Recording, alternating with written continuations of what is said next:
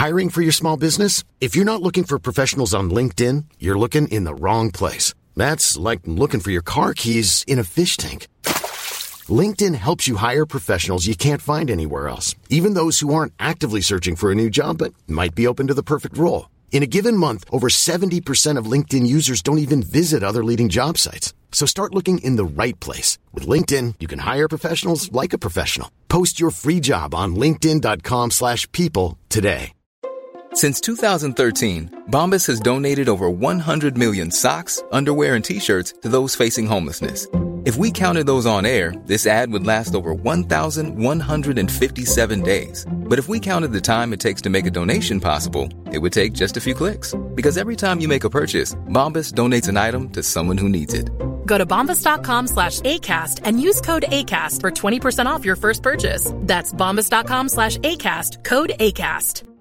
A lot can happen in three years, like a chatbot may be your new best friend. But what won't change? Needing health insurance. United Healthcare Tri Term Medical Plans, underwritten by Golden Rule Insurance Company, offer flexible, budget friendly coverage that lasts nearly three years in some states. Learn more at uh1.com.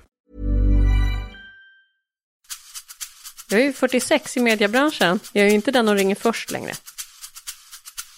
Jag tror verkligen på att låta generationer jobba tillsammans och lära av varandra. Jag blir fortfarande, det är, alltså jag är inte religiös för fem öre, men ska jag ha en tro så är det metoo.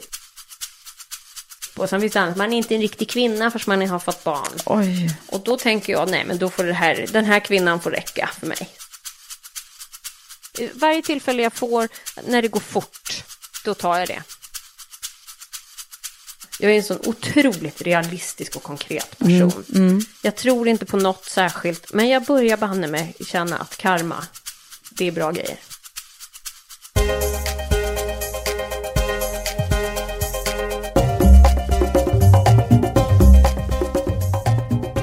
Hej och välkommen till Karriärpodden. Det är jag som är Eva Ekedal och programleder Karriärpodden där jag intervjuar Sveriges mest framgångsrika och spännande kvinnliga ledare. För vi behöver ju fortsätta belysa fler kvinnliga förebilder. Och den här gången träffar jag en av Sveriges mest kända radioröster. Det passar ju extra bra i poddformatet, nämligen Titti Schultz.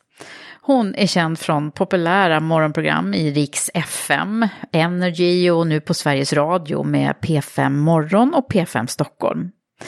Titti är också föreläsare och en populär och ofta anlitad moderator vid bland annat företagsevent och konferenser och galor. Med sin bakgrund som journalist och programledare är Titti van vid att hantera snabba vändningar och hon är rapp i repliken och rör sig med lätthet mellan allvar och humor. Så nu hoppas jag att det här blir ett avsnitt som innehåller båda delar. Vi får se. Men eh, innan vi startar så vill jag tacka min samarbetspartner, fackförbundet Unionen, som gör det möjligt att publicera och sända Karriärpodden. Är ni redo? Nu så, nu kör vi!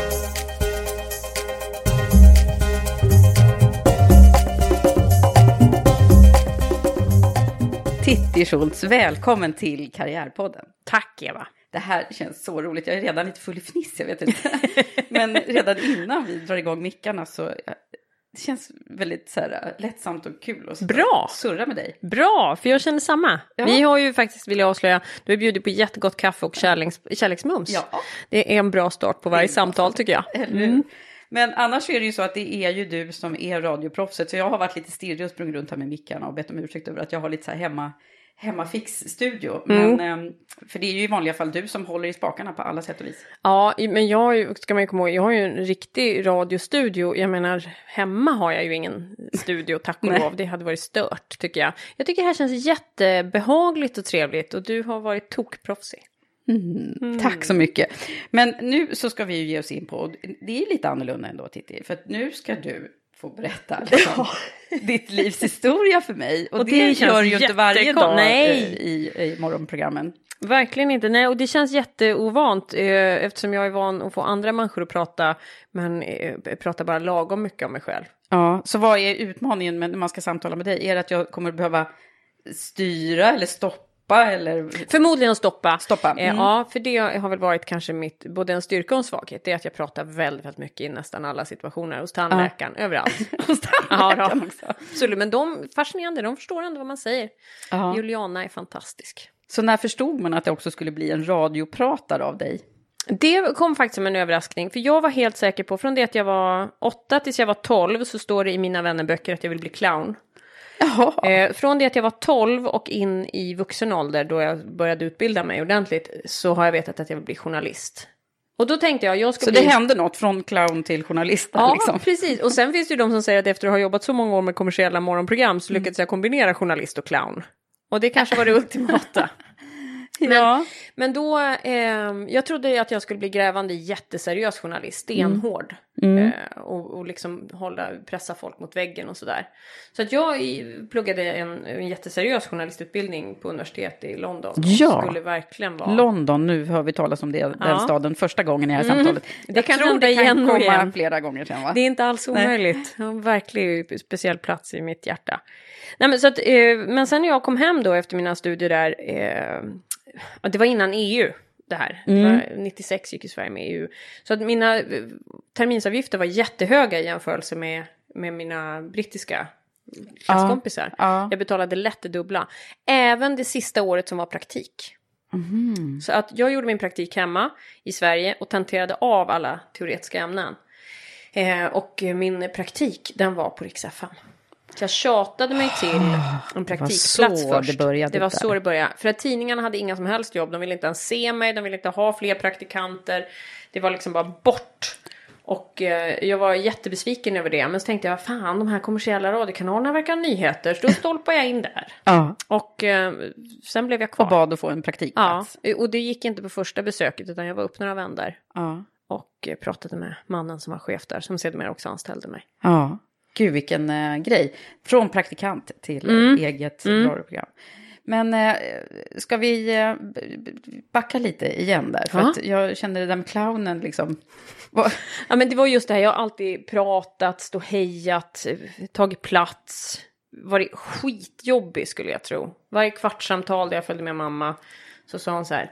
Snälla, säg nu inte att de kommer att prata om att du pratar för mycket igen. Jag, bara, jag vet inte, jag kan inte lova något. Och sen eh, när vi gick därifrån så kunde kunde hon ställa sig på parkeringen vid bilen och bara, inte ett år till Titti. Inte ett år till som jag vill höra att du pratar på lektionerna.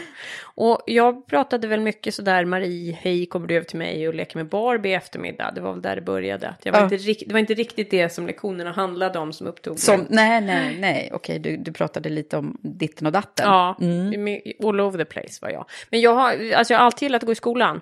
Alltså att vara där, grundskolan, fantastisk, jag älskade lekis, jag hade glädjen att få gå två år på lekis. Både när jag var fem år och när jag var sex år. Och det var nog för att jag tror att min mamma och min mormor som jag var med på dagarna, eh, de fick nog.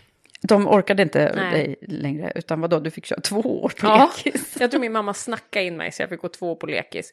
Och sen så tyckte jag att det var jättekul med skolan, även gymnasiet var jätteroligt. Allt utom själva utbildningen, jag gick tre år ekonomisk, det var en jättedum idé att jag skulle gå ekonomisk, jag är så dålig på siffror. Men eh, det, alltså det sociala sammanhanget älskade jag.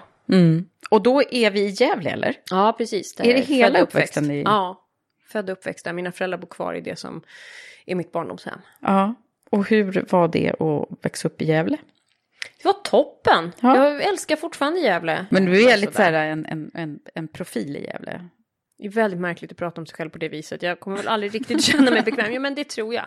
Ja. Men sen så både min pappa och min farbror är också lite grann av profiler. Båda har spelat mycket jazz och varit lite Aha. profiler åt det hållet. Det är musikerfamilj alltså? Ja, fast min pappa är revisor eller redovisningskonsult. Eh, och min farbror började väl... Där kom ekonomisk linje in på något sätt. Han är musikalisk och han har ett ekonomiskt sinne. Jag har fått inget av det. Nej, okej. Eh, så att, eh, men jag har chansat lite eh, och avverkat tre pianofröknar och sådär. Innan de förstod att det kanske var mig det var fel på, inte pianofröken. Okej. Mm. Jag är ensam barn som har trott väldigt gott om mig in i det Ja, du längsta. är det. Ja. Mm. Men, men, eh, Vad nej, gjorde men så att- mamma då? Mamma har jobbat administrativt på kommunen bland annat. Och eh, när jag var liten då jobbade hon på taxi i Gävle. Både i växeln och körde taxi. Och jag tyckte det här var så Där spännande. har vi röstens inverkan på... Inte omöjligt. Vi har samma temperament hon och jag. Vi blir lika galet arga, oftast på varandra. Okej. Det har blivit mycket, mycket bättre, men som vi har ryckt Men du har ett häftigt temperament alltså? Ja, jag kan bli jättearg.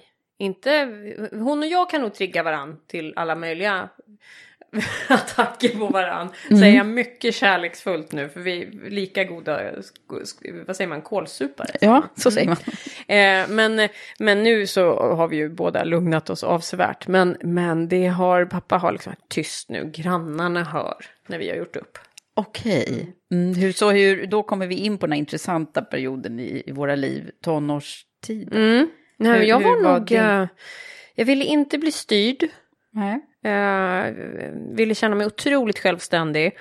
Eh, men samtidigt var det viktigt för mig att mamma och pappa, liksom, när jag valde något, att de tyckte att jag hade gjort ett bra val. Men om de hade en åsikt som då var att, men ska du inte göra så här istället? Kom inte och tala om för mig vad jag ska göra. Och så har det hållit på. Så har det, så det är mycket Ja. viljegädda. kan man- Jättemycket vilja. Ja. Eh, och envishet och så. Men det har nog också, det, det kan nog ha legat mig i fatet när jag var yngre. Men jag tror att som vuxen har jag lärt mig liksom hur jag ska använda det där och gjort det till styrkor. ja. Det är jag ganska säker på.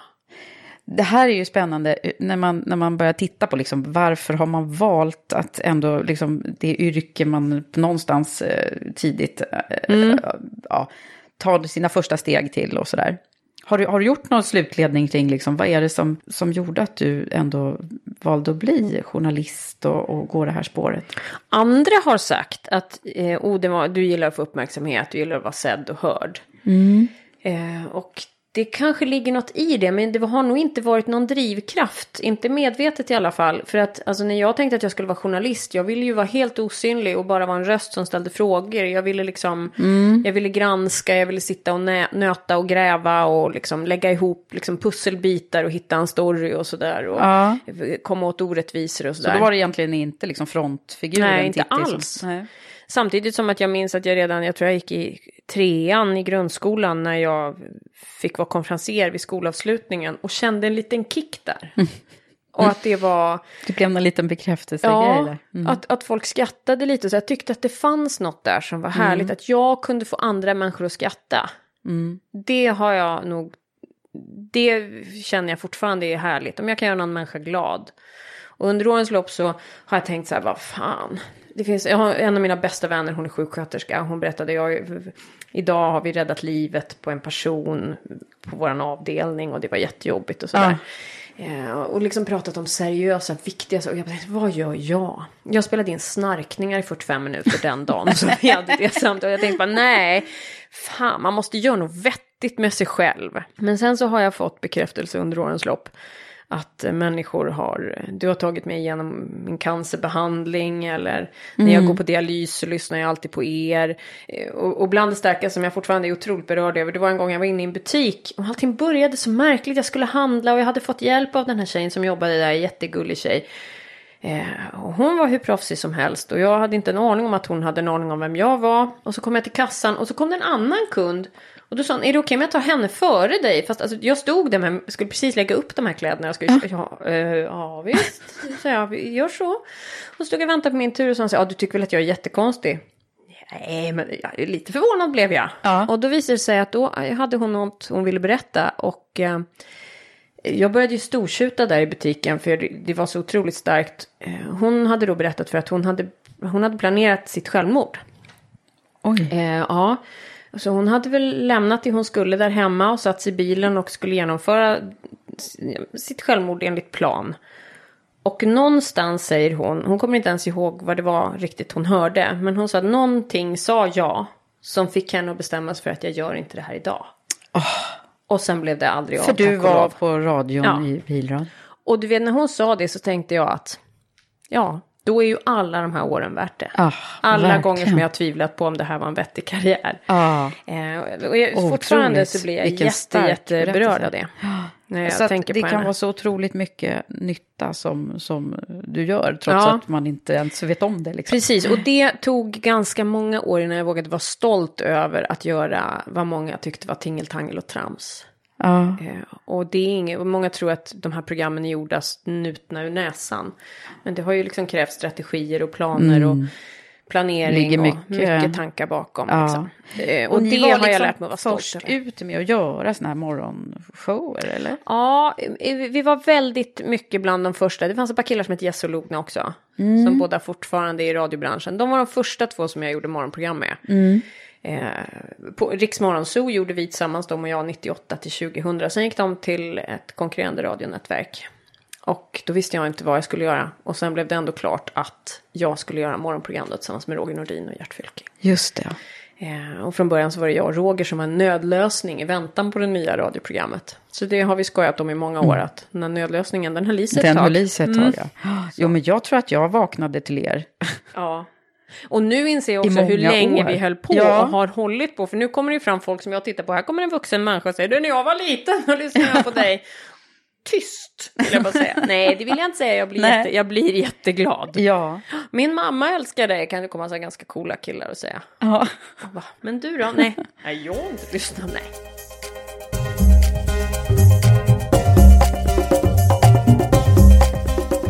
Nej, men då någonstans så blev du liksom tittig med hela svenska folket där eh, på morgon. Med väldigt morgontid. många i alla fall. Ja.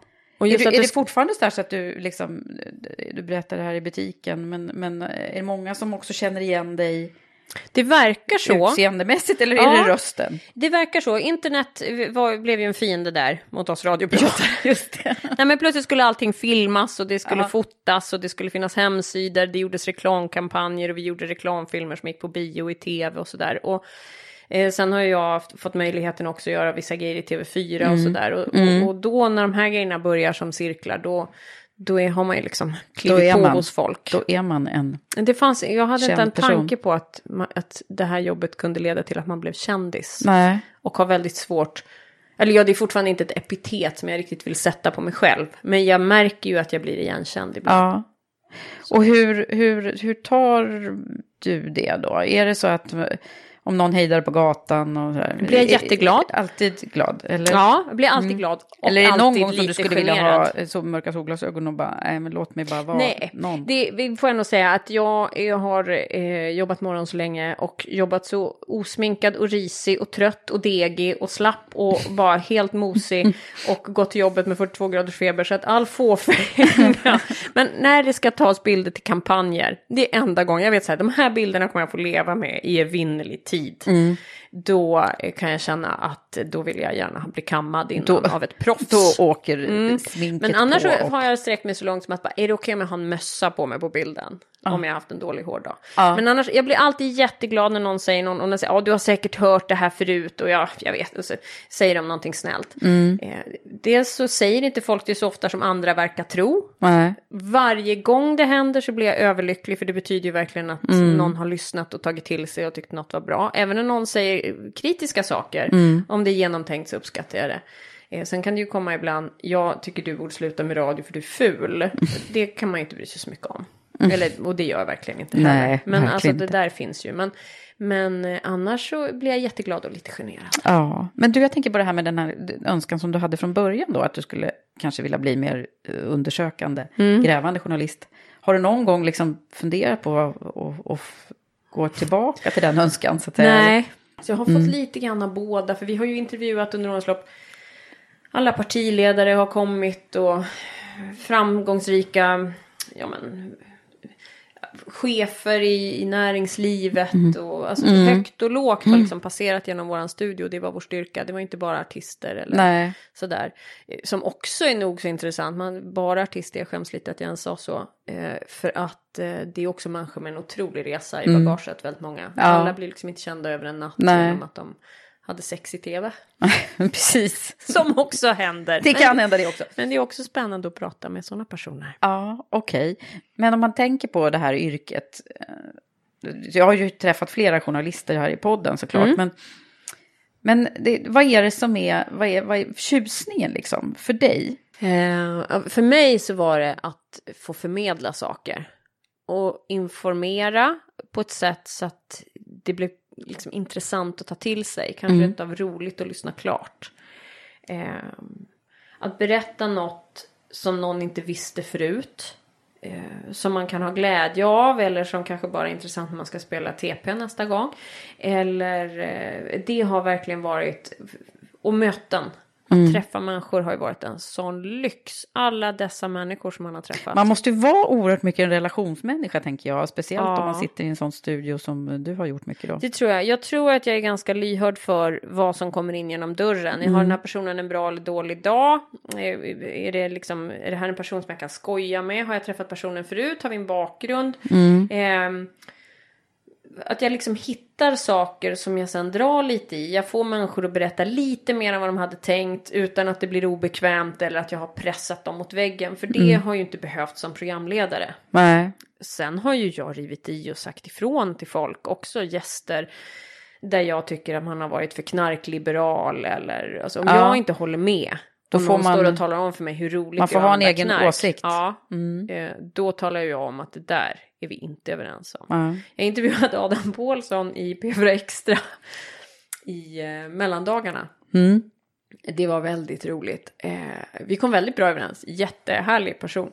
Eh, men då sa han någonstans någonting som hade med, med en liten eh, romantiserande vinkel kring droger som jag är extremt emot. Det och tobak och ja, väldigt kategoriserande där.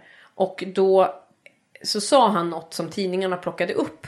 Och då sa här är vi inte överens. Nu skulle vi till och med kunna bli riktigt osams, sa jag till honom. Ja. Eh, Lite grann, med kanske en blinkning i ögat och sådär. Och han tyckte nog att det var ganska kul också. Sen så, så hade Aftonbladet gått upp, här ryker Adam Pålsson och programledaren ihop. Ihop, Jaha, självklart. Ja. Ja. Men det var ju också roligt. Ja. Men, nej, men jag har alltid liksom, om jag inte har hållit med personen som har kommit så har jag ifrågasatt. Och det är väl liksom den här lite mer hardcore-journalisten i mig i mycket, mycket liten skala som finns kvar. Att jag fortfarande liksom är motstånd. Så. Just bara, det. Ja, ja, kul. Nej, men man måste ju ha lite sinnesnärvaro extra mycket när man jobbar som du gör i direktsändning hela tiden. Mm. Ja. Ehm, och vi pratade lite grann om innan vi drog igång mickarna här nu att det, det händer ju saker i vår omvärld hela tiden som, som kastar omkull eventuella manus och scheman Ja. som, som ni har ändå preppat liksom. Mm. Så är det ju. Ehm, bara här, jag jobbar ju på Sveriges Radio nu och bara veckan så hoppade jag in i, igen i P4 Extra. Och då, eh, precis innan jag går in i studion, då har jag förberett ett litet ett löp kan man säga, där jag berättar vad som ska vara i programmet den här dagen, vilka gäster och sådär. Och då eh, får vi precis bekräftat att Jerry Williams har dött. Och alltså en så folkkär person. Och i ett sånt program som P4 Extra, där kräver det verkligen sin uppmärksamhet. Och man vill ge honom all den uppmärksamhet som han någonsin har förtjänat. Ja, Eh, så då var det bara att lägga det pappret Ja, gick bort. sidan. Och sen fanns det inget nytt papper utan då får man tala ur hjärtat. Och Ja. vad känner jag själv i den här stunden. Och så. För då kan man vara ganska säker på att det delar man med många. Det är många som blir chockade. Och sådär. ja. Så att då, då, vad tycker du om de här liksom, stunderna? Det är ju bisarrt också att, att ha den roll som jag har, att förmedla ett budskap och saker händer i stunden. Och det kan vara svåra saker, alltså mörka, svarta saker. Men hur bisarrt det än kan låta, och med den största respekt säger jag att alltså, om jag bara tittar på mitt uppdrag som programledare att förmedla ett budskap så får jag en ganska stimulerande arbetsdag. Det är viktigt att det blir rätt, det är viktigt att folk får komma till tals. Eh, det är, Det är som- på något sätt att sinnena skärps Ja. eh, ytterligare. Verkligen. Jag jobbade, jag sände radio under Estonia-katastrofen, då jobbade jag Mm. på en kommersiell radiokanal, då får man tänka på mycket. Det fanns bland annat reklam för ett bordsvatten, eh, där det var bubblor, blubb, blubb, blubb, Mm. Blubb, blubb, blubb. Otroligt olämpligt, man måste liksom tänka på allting, då får man allt. lyfta den snabbt som vinden. Eh, vid 9-11 eh, jobbade jag, då, då fick jag verkligen kliva in och vara, och vara journalist på riktigt. Mm. För så många med, ja men, erfarenhet av att jobba med nyheter men också en journalistutbildning fanns det då inte inom kommersiell radio. Nej. För vi gjorde inte den typen av radio men här behövde våra lyssnare informeras. Så då fick jag ju liksom kliva in i den rollen. Eh, plus att jag ofta Så det har finns haft en ganska någonting- seriös ton. Jag har Ja. liksom aldrig sålt ut mig eller vad jag Nej. ska säga. Utan folk har kunnat lita på mig alltid och, och det, vill jag ju, det är ju något jag vårdar verkligen. Ja. Men eh, samtidigt kan man ju vara en väldigt seriös person och ha väldigt mycket humor. Ja, det men behöver precis. inte är det inte, det är inte så man tänker på dig? Ja, vad roligt. För då, då har jag ändå lyckats förmedla det som Mm. jag står för. Nej, men det har varit några riktigt tuffa diskoteksbränder i Göteborg för många år sedan nu var också. du där då? Eller? Ja, jag, då sände vi ju morgon, Ja. morgonen efter den natten Mm. så att säga. Och n- när vi började förstå vidden av det där, Mm. alltså det, vi bara, gick igenom musiken och fyllde på med musik för det är ju en kraft för många. Ja. Och, men just att det var unga människor. Ja, så Alltså, fruktansvärt. alltså. som fortfarande liksom gick att betrakta som barn verkligen. Ja. Det var så, det var så nattsvart. Eh, men sen samtidigt så att våga visa de känslorna själv, att visa att man blir berörd. Mm. Jag har gråtit i radio just därför att man känner andra människors sorg. Ja. Eller för att, man, för att jag själv har känt mig chockad i olika sammanhang. Ja, men verkligen. Men, och det, har, det känns inte konstigt, det känns inte alls som jag tappar liksom, förtroende i, i andras ögon eller öron på det viset. Utan snarare bara mänsklighet, Nu gör vi det här liksom. tillsammans. Mm. Eh, och eh, ytterligare, alltså vi närmar oss årsdagen av eh, terrordådet på Ja, Drottninggatan. mm. Också ett sånt tillfälle då många människor vänder sig till radion för att få information. Det är viktigt att den är korrekt och samtidigt så eh, alla som jobbar där på radion delar samma smärta och Då- chock. Då var du i... Ja, jag hade faktiskt, det var en fredag, så jag hade gått aningen tidigare än vanligt för att komma med ett plan. Så jag hade precis klivit av ett flygplan i Sundsvall där jag skulle jobba på fredagskvällen. Då ringde min sambo, har du hört? Och det var, alltså jag, man, man märkte där när vi klev av att det var något. För att alla, allas mobiler började ringa, Ja. eller det kom meddelanden. Och, ehm, så då var jag liksom inte i det yrkesmässigt. Nej. Men jag förstår ju verkligen vikten. Jag åkte direkt till hotellet, jag hade radion på i mobilen, i taxin och eh, tv på hotellrummet. För Hela att få tiden. varje uns av. Och då ser man ju det- som vi många bär med oss efter den dagen. eh, Hur vi reser oss tillsammans. Ja, ja, verkligen. Det är Verkligen. helt otroligt. Ja, och alla minns ju de här, liksom, vart var man? Och Det är ungefär som liksom, Olof Palme mördades. Och alla de där stunderna man, man liksom kommer att bära med sig hela livet. Ja, verkligen.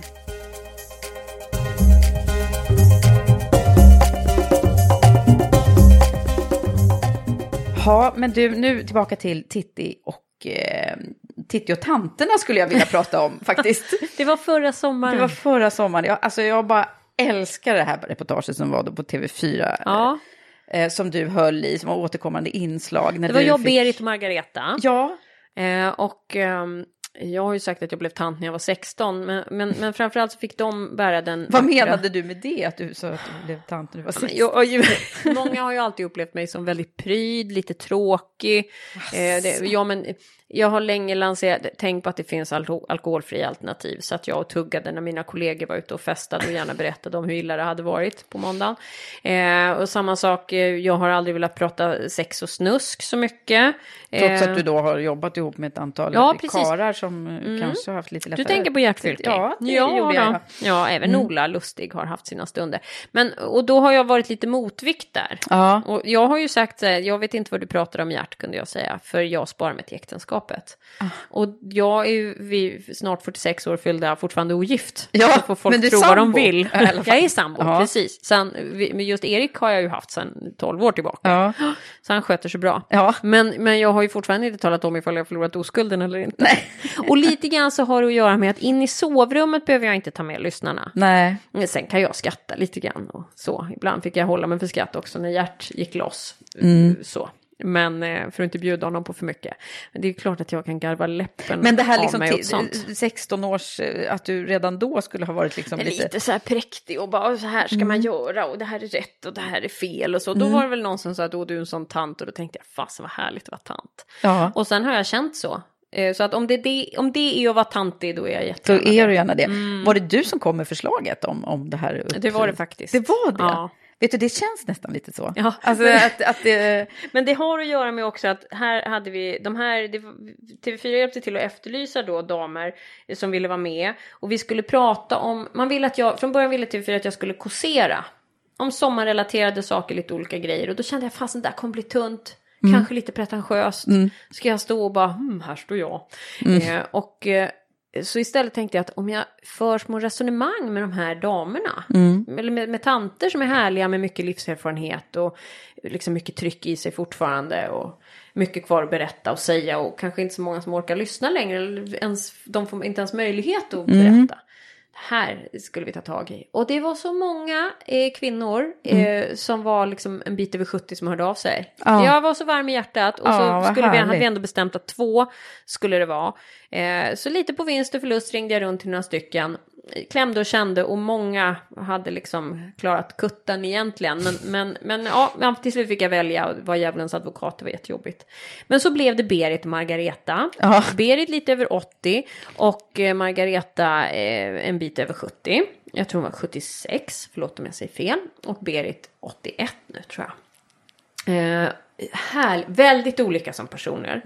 Eh, Men det var bra kemi liksom mellan Ja. er tre. Det ju. Precis, och ändå var de så här roliga för de kunde verkligen, nej, där håller jag inte med dig. Ja. Kunde den ena säga till den andra och så liksom brände det till lite. Det var Men alltså ett ett strålande exempel på att vi, liksom, att vi behöver lyfta tanten eller överhuvudtaget eh, intressera oss för... eh, livserfarenheten Precis. Mm. som de kommer dragandes med i överflöd som liksom folk bara struntar i. Det var helt obegripligt. Och vi pratade om allt ifrån skilsmässa ger vi upp för lätt nu. Eh, Berit och hennes man hade varit gifta, i- jag kommer inte ihåg hur många år, men jättelänge verkligen varit partners genom livet. Margareta och hennes partner också. Eh, att det liksom är Nej, ger upp för lätt. Det är väl skönt att man kan dra om det känns så. Fortfarande liksom en, ett öppet sinne, men kanske att man skulle ta det ett varv till. Att man måste ha en förståelse för att det är inte rosor hela tiden. Och att man, perioderna då det är dåligt kan vara långa, men för att man sen ska hitta tillbaka till varandra. Men sen bara helt uppenbara, väldigt kloka, kloka. saker. Sen pratade vi om döden. Då var vi på Skogskyrkogården tillsammans. Och då tyckte ju folk, men ska du prata, så ungefär som de är ju snart döda, ska du prata döden med dem? Och det visade sig att de var ju otroligt väl sammansatta även i det. verkligen. Och de hade väl bilden klar för sig att man inte lever till 380 år. Liksom. Ja. Det hade de ju förstått ändå. Ja, men säga. överhuvudtaget så tycker jag att det här var också ett bra, apropå liksom åldersdiskrimineringsdebatten som vi skulle kunna prata lite grann om, du och jag kanske. Ja, gärna. Jag är ju 46 i mediebranschen. Ja, Jag är ju inte den som ringer först längre. Nej men hur är det egentligen? Menar Det du att så. det är så här Ja. illa? Är, det, är det för att det är tv eller för... Jag tror att jag är lite för tjock och då är jag inte tjock. Nej, det är du Eh, verkligen Och inte. lite för gammal för tv. Och då är du verkligen inte gammal heller. Nej, precis. Ehm, och det är obegripligt. Ehm, men återigen så, så ersätts, alltså om vi nu ska verkligen kategorisera det, det är klart det finns variabler i det här också. Det finns jättemånga på olika tv-bolag och produktionsbolag som nu sitter och säger att, vad fan vet hon. Men, men ehm, Alltså det, det, föryngringsprocessen den blir väldigt mycket yngre. Det är klart att unga människor ska in och vi alla Ja, vi ja. Det kan inte bara liksom vara bygga massa varandra. gamlingar som sitter Precis. och pratar. Men jag tycker, jag ser verkligen något intressant i att låta en något mer senior person jobba ihop med någon som är lite Ja, yngre. precis och att man ger varandra saker. Ja, men precis. Eh, Att, att jag jobbar med någon som har ett större intresse och bättre koll på ny teknik eller så. där. Jag har alltid varit teknikointresserad. Men nu när det händer så fort så Mm. eh, att, att jobba med någon som har benkoll och att jag kan istället, men vet du vad, så här, jag har testat att lägga upp ett eh, inslag på det viset. Ja. Jag tycker vi gör så här för det brukar funka bättre. Bara som ett banalt Mm. exempel. Men att man kan mötas och lyfta varandra. Jag tror verkligen på att låta generationer jobba tillsammans och lära av varandra. För att det är inte det att yngre människor ska komma in och, och att mötas av en, och, liksom en, en attityd som gör. Mm. att de inte har något att komma med. Verkligen inte. Men just att man hittar varandra. Men det har väl viktigt. varit så här att det just... eh, Det finns en hel del äldre män som, som liksom hänger sig kvar. Mm. Medan det ju har bytts ut en del eh, kvinnor som typ blir för gamla. Men Stämmer män det här? får ju det... pondus och kvinnor verkar få absolut ingenting. Ja. Ungefär som att vi dräneras.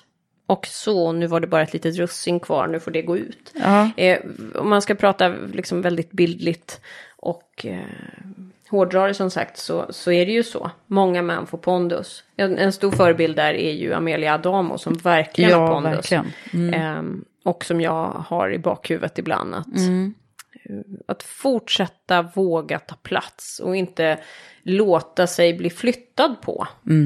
Verkligen. Och, och definitivt inte själv gå på den myten att man är klar. Nej. Utan finns det vilja och sug och intresse och, och, och arbetsglädje och, och liksom en drivkraft kvar. Att man känner att fan, jag har massor kvar. Mm.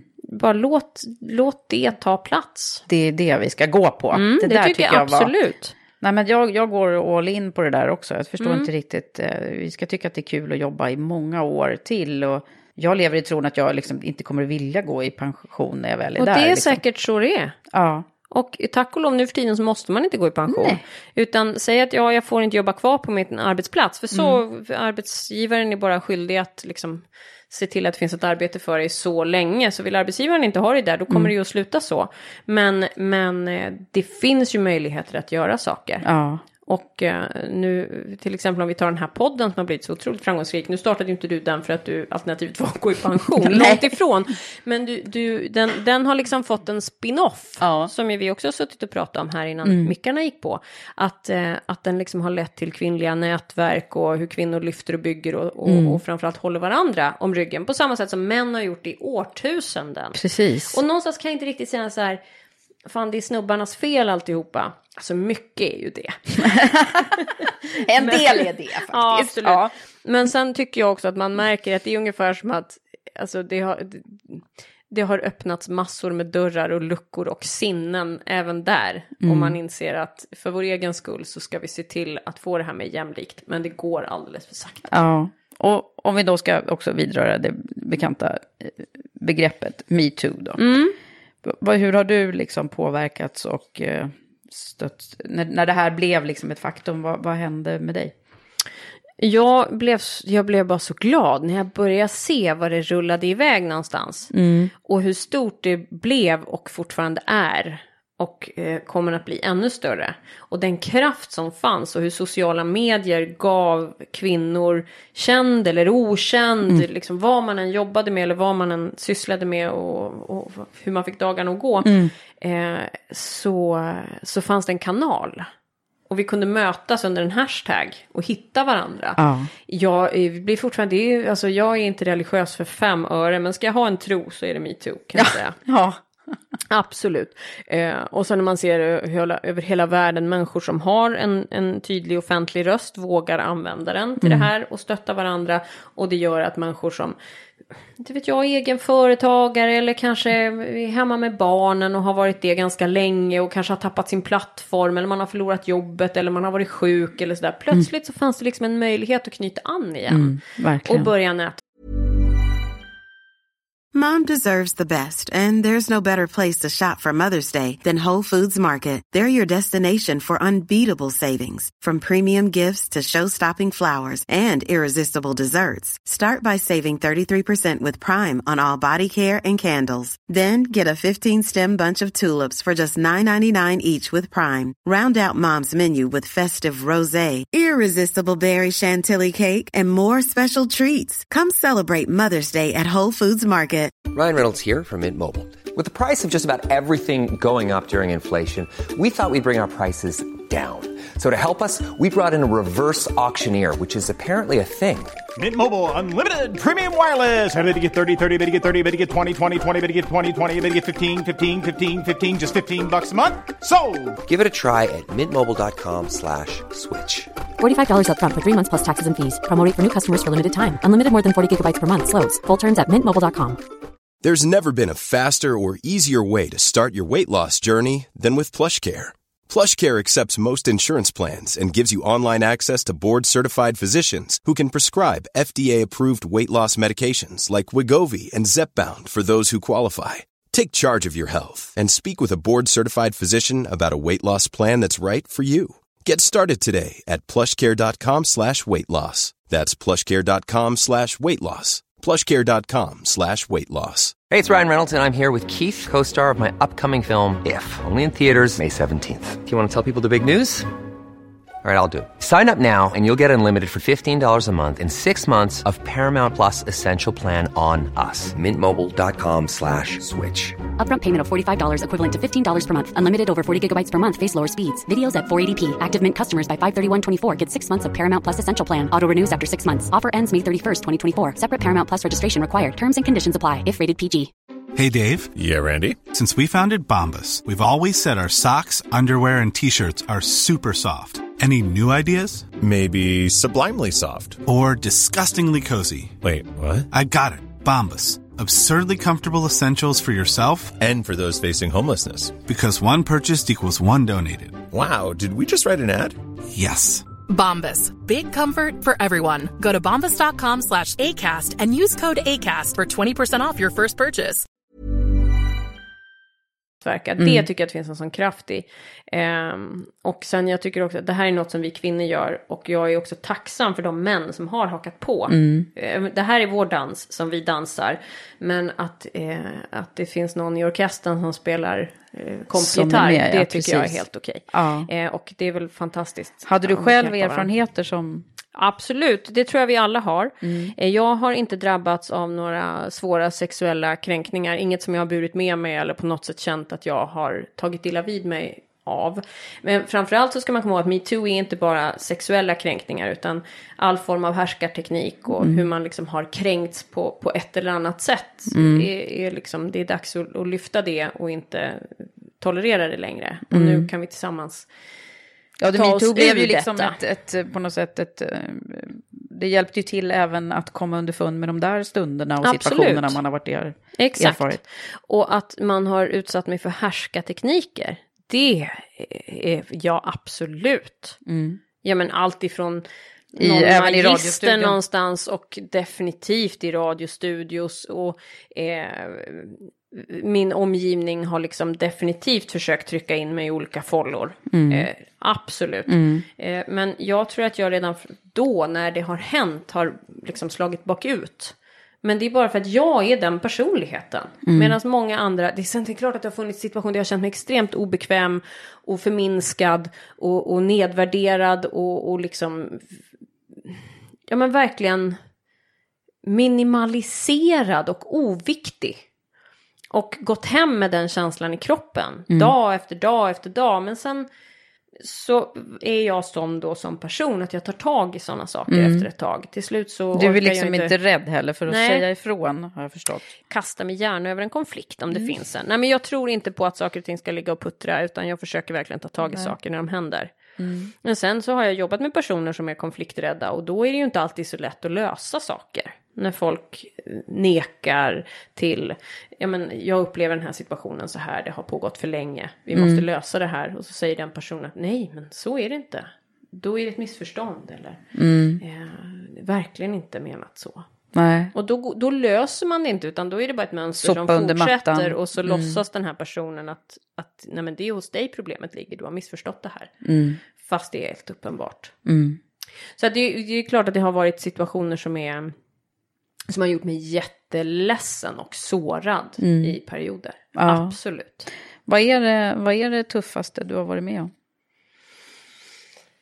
Ja, eh, nej men det är väl när det har på, alltså det tuffaste för mig har varit att en, en eh, förminskande attityd har fått råda under en längre period. Det är inte det att jag har ifrågasatt mig själv. ehm, för att jag, men vad fan, det här har inte jag förtjänat. Det har liksom varit en väldigt stark känsla i mig och det här stämmer inte. Och jag är bra på det jag gör. Jag är till och med jättebra på det jag gör. Ja, för du har ett, liksom ett, ett grund självförtroende. Ja, det har jag och det är jag otroligt tacksam för. Och ingen har kommit åt det än. Men det är klart att det är ju också bara en tidsfråga. Tillräckligt länge så börjar man gnaga på det också. Men f- för mig så har jag då tack och lov inte hamnat där. Eh, men jag har ju sett personer förminska andra också i min omgivning. Och då har jag verkligen försökt stå upp för de personerna. Eh, och klivit in och sagt att den där attityden mot den personen är oacceptabel. Precis som jag försökt säga detsamma när jag har blivit utsatt själv. Eh, och sen går det olika bra. Man måste ibland försöka få stöd, kanske från chefer. Jag har kanske inte alltid i alla lägen känt att jag har fått riktigt gehör eh, för det. Och att man inte riktigt har förstått allvaret i det hela. Och då skulle jag kunna säga att ja, men jag kanske inte var tillräckligt tydlig. Men fan i mig, det var jag. Du känns ju Absolut. som en ganska tydlig person. Ja. Sådär spontant, måste jag säga. Ja, men det är nog. Det är nog. Men det betyder ju inte att allt går att lösa för det. Nej. Utan takes two to tango. Och Ja. ibland en, en hel by.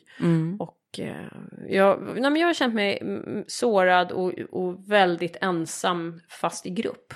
Och det är en ganska jobbig känsla. Ja. Det är en väldigt jobbig känsla. Verkligen.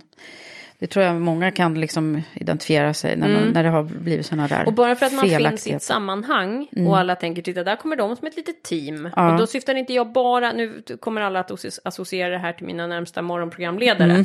Det ska man inte nödvändigtvis göra bara, utan det har ju liksom funnits alltså, många cirklar Mm. på vatten och många sammanhang där jag har funnits. Mm. Där, där jag kanske inte bara har sett det här själv, men jag har sett andra människor som, du står där i den där gruppen men du är ensam. Mm. Och det är ju också en lika otäck. Man kan ju eh, vara och- och ensam i en känsla. eh, relation, Mm. eh, i en kärleksrelation eller i en familj. Eller, Precis. det är klart att man kan vara ensam även om man har kollegor runt omkring sig. Exakt. Och sen att be om hjälp, att, eller att våga på något sätt visa att man inte mår bra eller att det inte är okej. Lite grann har man ett eget ansvar att, Mm. att försöka skapa uppmärksamhet runt en situation som man inte mår riktigt bra i. Mm. Man kan kanske inte lösa det själv, men jag, jag tycker att om andra inte förstår, försök hitta någon som du kan berätta det här för. Som Mm. kanske kan hjälpa dig att ta några steg eller. Men det är viktigt också att våga liksom Våga lyfta när det Våga, är ja, bekymmer. precis. Räcka ut en hand till någon Mm, och bara mm. stämma av läget. Mm. Eller att våga vara den som bara skanna av lite grann. Vem verkar ganska schysst och pålitlig? Kanske inte den du har lunchat med någonsin.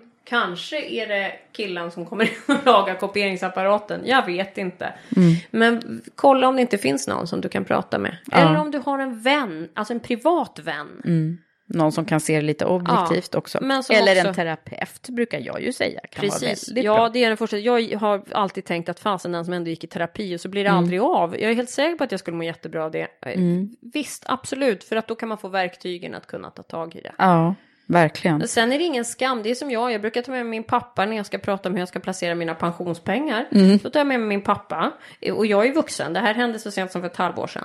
Eh, man kan faktiskt ta med sig en kompis in till jobbet. Mm. Jag behöver stöd under Ja. det här mötet, Mm. för det jag ska prata om tycker jag är jobbigt. Man får göra det. Det kan man också göra. Var inte rädd att be om hjälp, tycker jag det låter som vi håller på att formulera någon form av... Exakt, Ja. väldigt mustig och utförlig beskrivning av det om hjälp. Men du, eh, finns det andra stunder, jag försöker tänka så här, ofta när jag sitter i de här samtalen så, så får jag någon form av bild framför mig över eh, en, en övning som jag brukar göra som, i, i terapirummet bland Ja, annat. Som, som, eh, som handlar om att man får rita sin livskurva liksom. Ja. Och en del gör ju det, i, alltså David Helenius gör det i tv s- också. Ja. Du vet, fast man kan ju göra den lite olika. eh, Och då, om man skulle rita någon form av liksom livs eller tidslinje för dig, Mm. då hittar man förmodligen lite toppar och dalar här och var. Mm. Det tror jag nog man gör. Var, Ehm, var hittar man de där, liksom, eh, de där dipparna då? Hittar man dem tidigt? Ska vi se. eller? Ja, jag tror att det finns dippar tidigt.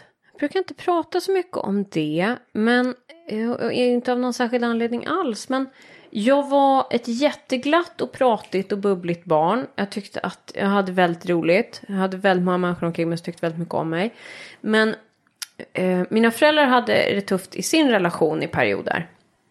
Så där som vuxna kan ha. Och nu som vuxen så kan jag liksom se att ja, så där kan det vara. Mm. Eh, De ville vara med varandra men det var inte helt lätt eh, att- att få det att funka. Eh, och jag kan inte svara på vad det berodde på riktigt. Eh, Det är liksom deras historia. Men, men så när jag var typ runt sex tror jag, jag har inte Mm. ens riktigt koll på år här. Då var de separerade en period. Det Mm. var jättejobbigt. Ja. Och jag vet eh, att jag, jag, jag minns eh, att jag valde, eller att jag fick för mig av någon anledning, att det skulle jag inte säga högt. Nej. Utan då ök, om jag bara låg lågt med det Mm. Och inte höll på att prata om hur, ledsen jag var att de inte bodde på samma Mm. ställe längre. Då skulle de kanske hitta tillbaka till varandra fortare. Ah. Någon form av egen hittepå eh, Just det, barn hittar lite strategier. Sådär, så Och det är- här var min.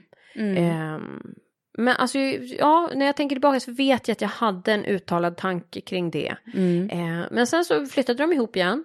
Och så var det hunky dory ett tag. Och sen separerade de igen och skilde sig från varandra. Okej. Mm, och då var det ju återigen naturligtvis jobbigt. Ja. Men och hur gammal var du då? då? Jag kan ha varit ungefär 11. Ja. Där Mm. någonstans. Och sen lyckas de i alla fall hitta tillbaka till varandra igen. Så de har verkligen Ja, gått det har lite de in och verkligen ur, gjort. kan man säga. Lite som Dallas Ja. har det varit. eh, och då, då, um, men så då, sen dess har de levt ihop igen. Mm. Men när jag var 16, då bestämde de sig för att gifta om sig med varandra. Då gifte de om sig. Gud vad härligt ändå. Ja, det var härligt. Ja. Fast jag var lite grann så är ni säkra på det här? För ni Ja. kommer säkert bara skilja er igen. Men, men det, där fick jag chi. Så att nej, nu har ju de levt ihop ett, ett liv verkligen. Ja. Med varandra. Så de är fortfarande? Absolut. Eh, Sist jag pratat med dem så var de var gifta de ihop, fortfarande. ja. Absolut. Och det har ju varit härligt. Och samtidigt så har ju det påverkat mig i mina relationer som vuxen. Mm. Eh, att jag, jag planerar alltid, alltså redan i väldigt mycket när ett förhållande precis har blivit liksom sådär som att vi har en relation och ett förhållande, jag och en person. Då börjar jag genast planera för hur det ska bli när det tar slut. Ändå har jag haft långa förhållanden Ja. och sådär och inte Ja. fått så många, mitt hjärta krossat så många gånger. För. Erik och du, ni har varit ihop länge nu. Ja, över 12 år. Ja. 12 och ett halvt eller något sånt. Herregud. Oj! Mm. Jag behåller honom lite till. Ja. Mm, så brukar jag säga. eh, men han, han, ju- han sa, jag sa det till honom, vi måste skriva samboavtal, sa jag när han klev över D- tröskeln. direkt, Han bara, liksom. är det okej att jag sätter ifrån mig väskorna? och han har en helt annan bakgrund, hans mamma och pappa Ja. har liksom alltid varit ett jättestabilt. Men det är klart att Det det, det där, det, det blir ju ett, ett tydligt, tydligt Mm. pussel när du berättar det sådär. Att det är klart Ja, att men då, då finns det alltid liksom en reträtt för dig. Eller liksom. Ja, och jag är så här, så fort lite. jag har planerat för den Mm. eh, i mina relationer så tänker jag inte en sekund på det. Nej. Samboavtalet är påskrivet båda två, då vet jag att om vi inte fortsätter att älska varandra för alltid, då kommer det att vara så lätt som det åtminstone är möjligt att gå skilda Just det. vägar. Mm. Du har ändå liksom kalkylerat risktagande Ja, någonstans. lite så. Och det är viktigt också för mig att det ska finnas ett testamente. Erik ska veta vad som gäller om det Ja. värsta skulle hända, vad, det än är. Det kan ju hända när jag går härifrån idag. Eh, och vice versa. Ja. Eh, jag vill att han ska veta att han står som förmånstagare på livförsäkringar och annat. Alltså, det ska vara så. Ja. Jag vill att han ska ha den tryggheten så att man bara kan slappna av i nuet. Mm. Ehm, Det är ju ganska sunt egentligen. ja, för att det där är tråkiga Mm. Oavsett och jobbiga liksom- saker. Ja, och även om man inte har den erfarenheten som du har då så är det ju ändå skönt att veta liksom. Vad är det som För händer? hur många gånger har man inte hört folk säga det här var en fantastisk relation, oh vi har så bra, kommer aldrig hända oss någonting. Ja. Och när det går åt helvete så blir det fult. Så blir det Riktigt inget bra. fult. Nej, det, det brukar locka fram de Mm. sämsta sidor hos folk. Och på det här viset så har man inte, det visst du kan säga vad du vill men här det är på papper. Ja. Liksom. Ja, verkligen.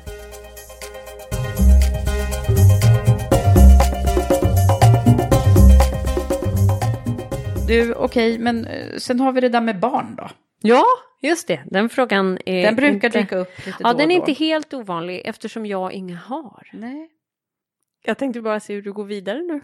Nej, jag tänkte att jag stannar där och ser vad du vill berätta helt enkelt. Ja, eh, det är ju så här att det är ju inte ens ett känsligt ämne för mig. Nej. Det har varit känsligt för min omgivning, men det har att göra med att jag vill inte ha barn. Nej. Det är ett medvetet val. Mm. Jag vet att det är hela mitt liv. Alltså när andra lekte, du vet så här i sandlådan och tog upp en massa stenar. Mm. Hur många, Många barn barn får jag när jag blir stor? Och så fick de, åh jag fick två, de skulle heta så här. Jag bara, jag fick hundra! Mm. eh, och tyckte att det var helt rimligt att tramsa bort det där. Det har liksom aldrig varit en rimlig tanke för mig att jag ska ha Nej. Jag har fem gudbarn som jag tycker hur mycket om som Oj, helst. många Älskar gudbarn. Ja, det är jag och Alla har velat liksom eh, skyffla på dig några extra. Ja, smarta kompisar. De har Ja. ju förstått att den där har inga egna ungar. Nej. Hon har tid. Så har de tänkt. Ja. Eh, men men eh, det är ju jättehärligt och jag har valt att vara så engagerad jag kan. Tyvärr så bor de alldeles för utspritt allihopa och jag jobbar för mycket och deras föräldrar jobbar för mycket och man får liksom inte ihop pusslen så som man vill. Men, men eh, jag tror att de är helt på det klara med att de har en gudmor och att det går bra att ringa när man vill. Mm. Att det är liksom de där viktiga sakerna. Men brukar du tycka att den här, eh, pr- provocerar den här frågan eh, Mm. saker hos folk? Ja, men jag kan också uppleva, för mig är det ju som sagt inte känsligt, men det var någon gång så var det en kvinna som frågade mig på middag, har du barn? Nej, jag har inga barn. Och så tycker ju jag att det är lite kul att se vad man får för reaktion, ungefär som jag gjorde. Eh, för folk blir ganska obekväma. Nej, nej, nej. Ja, och så tänkte jag så här, kan vi inte sitta? Så då sa jag att jag vill, jag vill inte det självvalt. Ja. Så var hon tyst ett tag, tog en tugga och sen så lutade hon sig mot mig lite förtroligt så här. Och så sa hon, är det så att du inte kan få barn? och då tänkte jag, men herrejävlar, hon, Hon är har inte inte klok. förstått. Nej. Och då så, så sa jag till henne, vet du vad? Om det var så att jag valde att säga till dig att jag inte vill ha barn för att jag inte kan ha barn. Då har du precis tagit en skitig pinne och kört in den i ett öppet sår. Mm. Och jag är osäker på om hon riktigt fattar vad jag menar. Men, men det är märkligt ändå vad vi tycker oss ha rätt att fråga människor Mm. om. Mm. Och samtidigt, det är klart att många menar det på ett väldigt oförargligt sätt. Mm. Barn är så självklart och naturligt för många. Men det är också en sån otrolig kamp för Ja så men det är ju så här liksom laddad. eh, Ja, och det är så många som får kämpa för Ja. att kanske bara få ett endaste litet barn. Mm. Eh, om man ens lyckas med det. Mm. Och, och jag har stor respekt för det där. Jag har flera i min närhet som har fått kämpa och, Mm. vissa har det gått bättre för och andra har inte lyckats. Och Mm. den sorgen som jag som utomstående har fått se och uppleva eh, Nej, det, alltså det går inte att jämföra med något annat. Jag förstår det. Mm, mm. Så mycket har jag förstått. Och för mig är det alltså en icke-fråga. Ja. Vilket också har provocerat folk. Att eh, jag kan inte få barn, du vet inte ens. Varför, varför ger du upp? Och sen finns det annat, man är inte en riktig kvinna förrän man har fått barn. Oj. Och då tänker jag, nej men då får det här, den här kvinnan får räcka för mig. Så mycket kvinna Ja, som det jag finns ändå ju väldigt många, liksom, eh, säkerligen massa knäppa eh, tankar kring Mm. det här. Att vara eller icke vara på något sätt. Och det är inte riktigt okej heller att välja bort det. För att för många så, men vad då barn ska man väl ha? Det är väl ändå meningen med livet. Men jag har märkt de sista, alltså säg tio åren, Ja. så har det förändrats. Jag tycker att vi generellt verkar bli mycket mer vidsynta i att tillåta människor leva Mm. som man vill. Ja. Att skapa sina egna vardagar och sin egen tillvaro. Mm. Men har du fått liksom stå till svars för det här mycket? Jag har ju också, eh, jag har ju varit beredd i alla mina relationer att bli lämnad av den här anledningen. Ja. Jag är ju väldigt ärlig och rak med att det är så här. Eh, det är klart att jag och Erik har haft diskussioner om det här. Nu är jag 46. Mm. Det, är liksom, det är inte aktuellt att ändra sig ens en gång. Nej. Om det skulle ens Nu komma det liksom- över mig. Ja. Och det är ju en annan sak. Ja, du kommer Mm. ändra dig när du är för gammal. Då kan man inte riktigt skaffa barn i förebyggande syfte, Nej. tänker jag. Man kan heller inte skaffa barn som en present till sin partner. För att någonstans så är ju ungen där hela tiden. Och om jag då inte ville ha den, det är lite orättvist. Åh, det har inte fötts något barn som inte har blivit älskat. Nej, men jag skulle säkert älska barnet, det skulle jag skulle ta, ta situationen. Mm. Men jag vill inte ha situationen. Och jag har rätt att välja bort den. Mm. Och det har jag gjort. Ja, all och, rätt. ehm, Absolut. men någonstans, det där, man, Mm. folk tar inte till sig det. Och om du ångrar dig då när du är 58? Ja, men då kommer ju Får jag väl göra det, det alltså, då? det är mitt beslut. Exakt, det är ju faktiskt inte Kommer någon liksom annan inte som har... Men, på någon annan. men jag tänker på hur har, det här, har det, hur har det påverkat dig i din karriär? Eh, jag tror på, på ett hemskt sätt så har det varit positivt. Man vet att Titti Schultz kommer inte att vabba. Titti Schultz kommer inte vara borta ett år med barn och vara hemma och vara mammaledig. Eh, det har man ju liksom vetat. Ja. Så att jag tror att, eh, att det... Jag har aldrig hört något konkret uttalat. Eh, men jag tror nog att det har funnits personer i chefsposition som har tyckt att det är väldigt praktiskt. Att veta vad man har med ur det perspektivet. Eh, och det är ju också hemskt naturligtvis. Mm. Och det är väl därför ingen har sagt det högt. Däremot så har jag haft chefer som har sagt också. Vore jättebra om du skaffar barn för det skulle bli jättebra radio. Just det, äntligen ska hon ha barn, eller vadå? Nu gör vi radio på den här nio månaders följetongen och sen så in i evigheten med ett litet barn. Jag bara, kan jag ha med mig barn? Och då var det så här, ja barnet kan vara med på jobbet Ja. och det var inga problem. Sen skaffade jag hund och var alla plötsligt allergiska. Just det, Mm. just det, hundar måste vi prata om. Och vi måste prata om äventyr. Vi har så mycket att prata Vi har om! så mycket, herregud hur lång tid har vi kvar? Vem visste att Men- jag var så här intressant? Ja. ja. Nej men äventyr har jag ju förstått.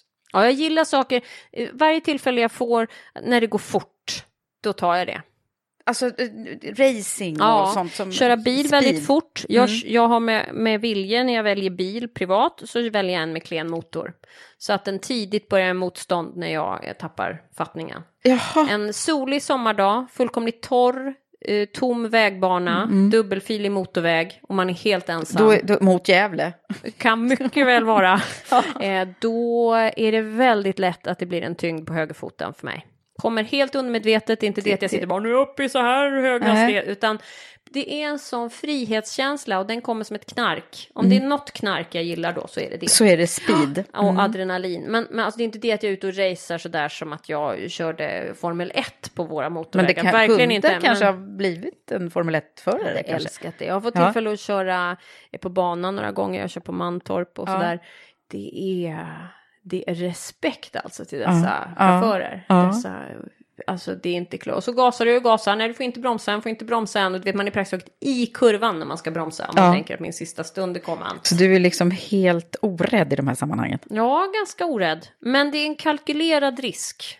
Mm. Ehm, det låter ju kanske helt Så stört. det är inget liksom men det är kalkylerade. sig, utan det är- Verkligen inte. Nej. Jag vill leva skitlänge. men jag vill gärna att det ska gå fort under tiden.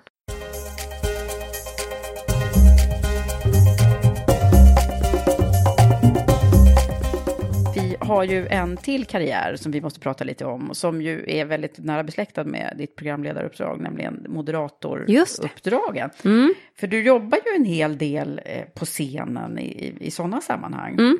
Och fick till och med pris här för, var det förra året Ja, som, du, precis. som du blev årets Moderator. moderator? Ja, vid Talargalan.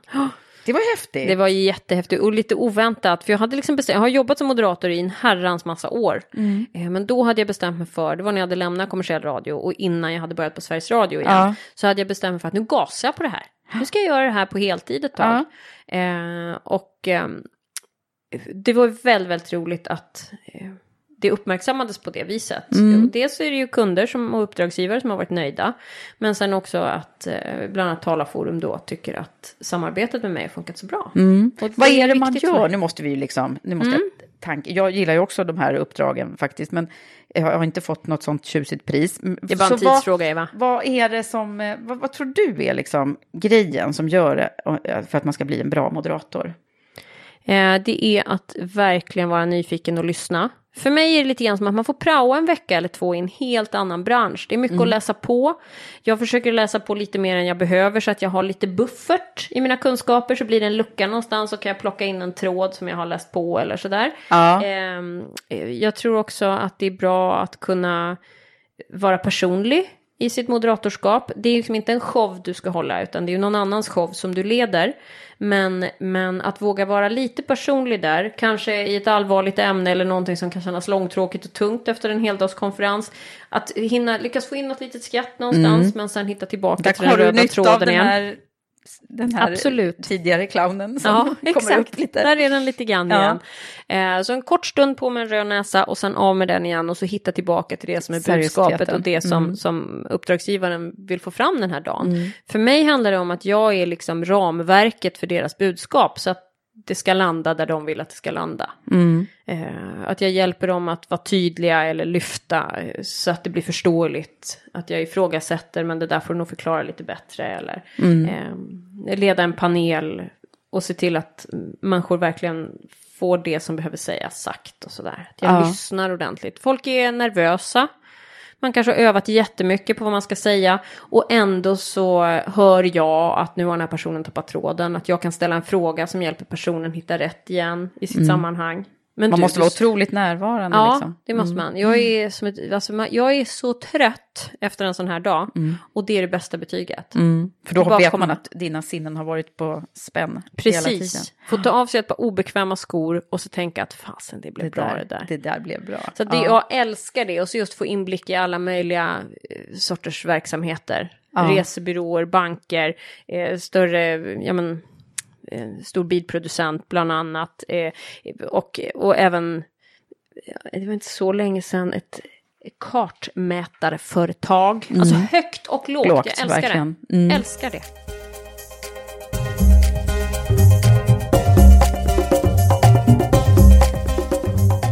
Men nu är det också så här att eh, vi i Karriärpodden har ju en eh, sponsor Mm. eh, och samarbetspartner som heter Unionen Jaha. Eh, numera. Och de skickar med en fråga varje gång. Mhm. Eh, och då är det så här att eh, de jobbar ju mycket med att privatanställda tjänstemän ska få det lite bättre på jobbet och få möjlighet till kompetensutveckling, trygghet och schysst arbetsmiljö och sådär. Och den frågan som de vill att du ska fundera över, det är en väldigt, väldigt enkel och rak fråga. Den handlar, låter så här. Hur gör du för att få balans mellan jobb och fritid? Oh, har jag lyckats med det än? Eh, Jag jobbar, je- jo men det har jag. Eh, för, för en herrans massa år sedan när vi började bygga upp Riksmorgon Zoo. Då jobbade jag eh, 14-16 timmar om dagen. Det var fullkomligt vansinnigt. Mm. Det jag låter somnade lite mycket. alldeles för mycket. Jag vaknade klockan fyra en eftermiddag i en soffa hemma och hade, jag trodde att hjärtslagen syntes på utsidan av kroppen. Så jag lyckades mer eller mindre liksom knappt minns hur jag tog mig till vårdcentralen, Ringens vårdcentral på Södermalm. Eh, och eh, då var det en jättecool kvinnlig läkare där. Jag önskar så mycket att jag kommer ihåg vad hon hette för hon var verkligen jättecool. Hon lyckades till slut få mig att förstå att jag inte mådde så bra. Jag hade en vilopuls långt över 100. Den skulle vara runt 70 tror jag. Och grät hela tiden utan att riktigt märka det. Och då så sa jag så jag kan ta två dagar. För det här var en onsdag. Och jag sa jag kan ta torsdag, fredag. Då blir det fyra dagar ledigt. Eh, Hon bara, var nu inte så dum i huvudet. Du måste vara hemma minst en månad och det är bara början. Ja, det var ju ångestfyllt. Hörs man inte så finns man inte. Mm, det var det nog. Eh, Men där någonstans så har jag lärt mig att det händer grejer i kroppen när jag jobbar för mycket. Och så fort jag känner de tecknen, det yttersta är en lätt stickning i bröstkorgen, eh, då, då är det bara nej. Då bromsar jag. Då går, vad gör du? Gå hem eller liksom? Nej, men då jag tackar nej till allt som kommer efter det. Ja. Eh, Det som jag har tackat ja till gör jag klart, men jag fyller inte på. För ofta så är det den känslan av att nu liksom stakar det sig här. Ja. Nu, nu har det liksom köat upp. Och så ska man tänka på alla grejer på en Mm, gång. Precis, då blir det knas. Och då bromsar jag. Och jag tror att det är som i mitt perspektiv med, med det yrket jag har, om man ser på moderatorskapet så är det viktigt att våga tacka nej till jobb ibland. När det blir för mycket. När det blir för mycket, ja. Eh, Och samtidigt så är det det svåraste för att det är väldigt kul. Och det är alltid roligt. Precis den där stunden när man står på scenen och levererar, då är det så roligt och så tillfredsställande. Medan innan och efter kan vara otroligt slitsamt. Men, men jag har just det där att jag lite fysiskt känner på mig själv att det är dags. Men sen också att när jag är ledig så är jag ledig. Jag kollar inte mejlen, jag tar inga samtal och ringer någon och det är jobb så säger jag, vet du jag får ringa dig på måndag. mobilen Jo det hela- är men jag kollar bara Instagram hela tiden. Okej, Instagram. Den får man kolla på. Det är Jag bara ska- fina bilder. Och jag skaffade ju Facebook innan sommaren, jag har haft det inte ens ett år. Ah, du är nybörjare på Facebook. Ja, det är jag verkligen. Jag har fortfarande inte förstått vad det är bra för. Nej. Någon Nej, sa men- det här kommer bli jättebra nu när du är egenföretagare. Ja, för jag har ju alltid varit anställd fram tills för drygt ett och ett halvt år sedan. Eh, och då, nu, jag förstår ingenting. Nej. Jag verkar helt värdelöst Facebook. Ja, men håll det till Instagram då tycker Ja, jag. där är jag gärna. Men du, nu har vi också kommit till lite slutsummeringen här. När Mm. jag tänkte att, att du skulle få formulera delar av det som säkert har krypit fram i det här samtalet. olika herregud. Eh, nej, men om man tänker sig så här, vad blir dina, liksom, om du ska formulera dina bästa råd och tips eh, kring jobb och karriär? Och, eller Mm. det kanske handlar om livet också. Ehm, ja, det är att våga säga högt vad man är bra på. Eh, om du vet mer i att det här klarar jag, eller jag har ett, en, en bättre idé eller en annan idé som du åtminstone tycker att andra ska få höra än vad som kanske just har presenterats på ett möte. Våga säga det. Man kan säga saker med ödmjukhet, man behöver inte låtsas att man vet att man har rätt, även om man kanske vet det. Men att man åtminstone vågar berätta det. Ja. För att när jag lärde mig det så har jag haft arbetsgivare som har sagt till mig, ja men testa det då. Funkar det så Just jättebra. det. Ja. Och så har jag fått den möjligheten. lite, Ja. Mm. Och flera gånger så har det gått väldigt, väldigt bra. Fler gånger än det har gått dåligt. Och att våga tro på att man kan. Mer än vad man Precis. kanske säger, uttalar i vanliga fall. Exakt. Mm. Och sen tänker jag, när man kommer ny och man kanske just har börjat en karriär eller man börjar en ny arbetsplats. Eh, man kanske är en av de yngre Mm. och kanske inte har lika lång erfarenhet som många andra. Våga göra lite skitgöra. Ja, kavla upp ärmarna Ja, här. för eller? det är inte... Det är liksom en tågordning bara. Det är ett sätt att lära sig saker. Mm. Att fylla på och utvecklas. Sen menar inte jag att ett och ett halvt år senare så ska du inte häfta ihop pappren som behövs till konferensens kompendie.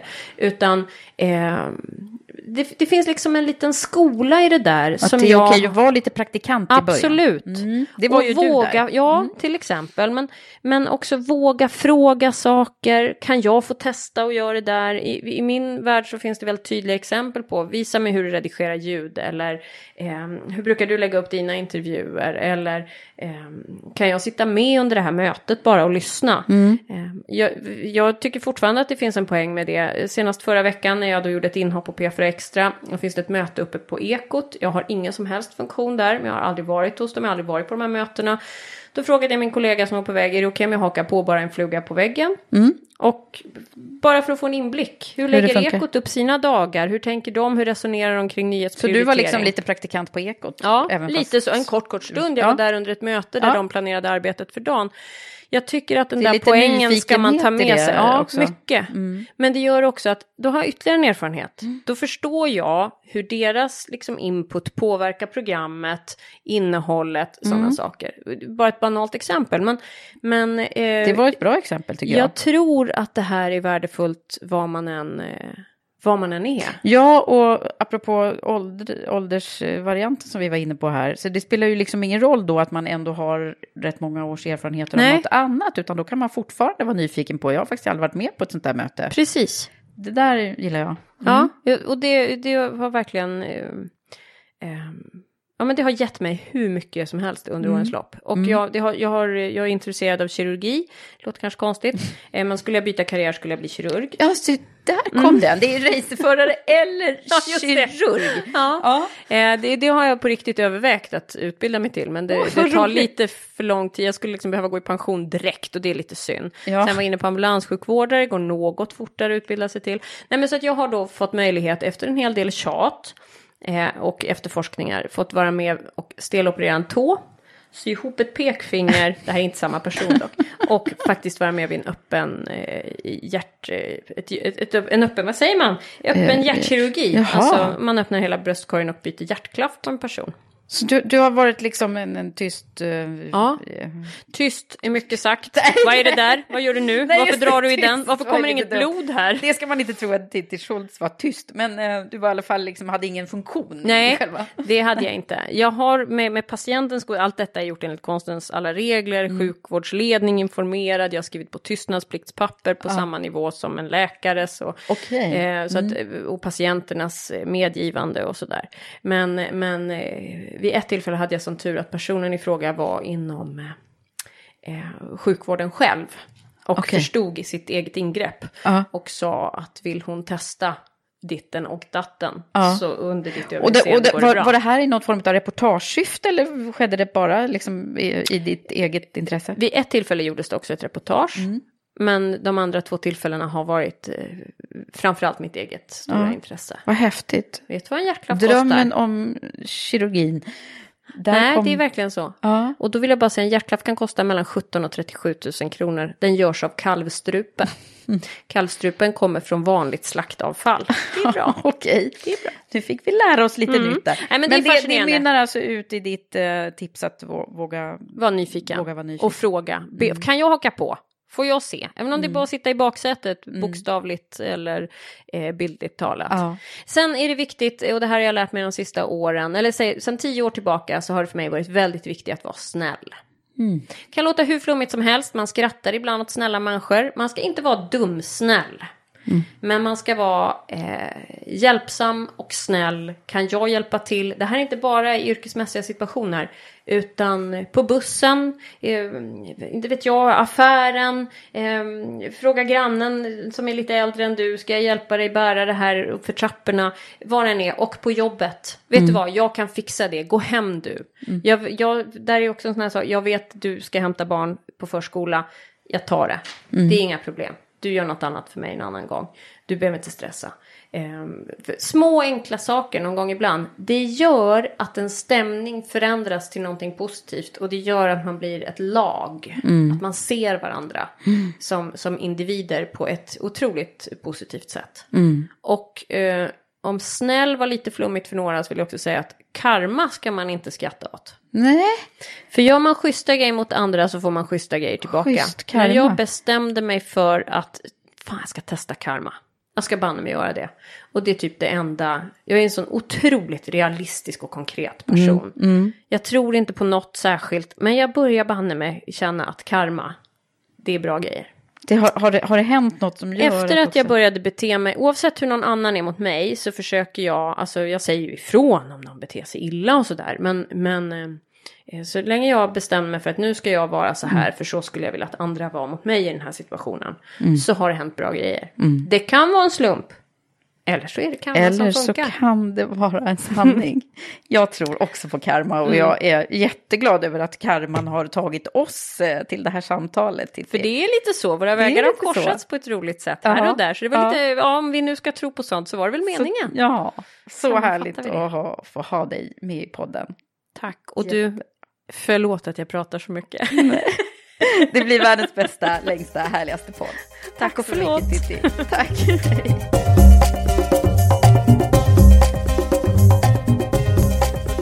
Tack Titti, så härligt att få ha dig som gäst. Och tack till dig som har lyssnat. Och jag vill också passa på att berätta att förutom att intervjua till Karriärpodden så har jag fullt upp med att intervjua till vårt exekutiva ledarprogram, nämligen Women for Leaders Premium Leadership Program.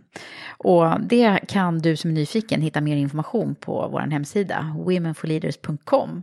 Och du är också välkommen att ta en direkt kontakt med mig om du vill veta mer. Till sist, men inte minst, så vill jag rikta ett tack till min samarbetspartner Unionen, som är ett fackförbund för privatanställda tjänstemän. Och du kan läsa mer på unionenopinion.se eller följ Unionen Sverige i sociala medier. Ha det nu så bra så hörs vi snart igen. Hej så länge!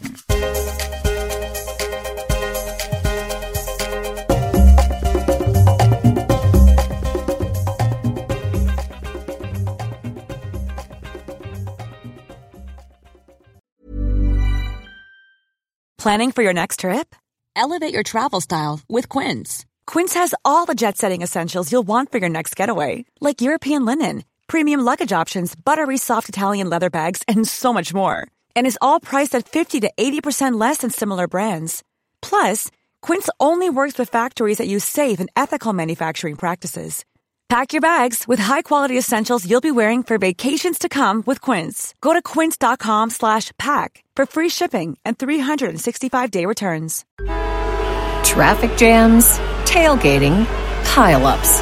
Ugh, the joys of driving. How could it get worse? The federal government wants to have a say in what you drive. That's right. The Biden administration's EPA is pushing mandates that would ban two out of every three vehicles on the road today. Don't let Washington become your backseat driver. Protect the freedom of driving your way. Visit EnergyCitizens.org. Paid for by the American Petroleum Institute.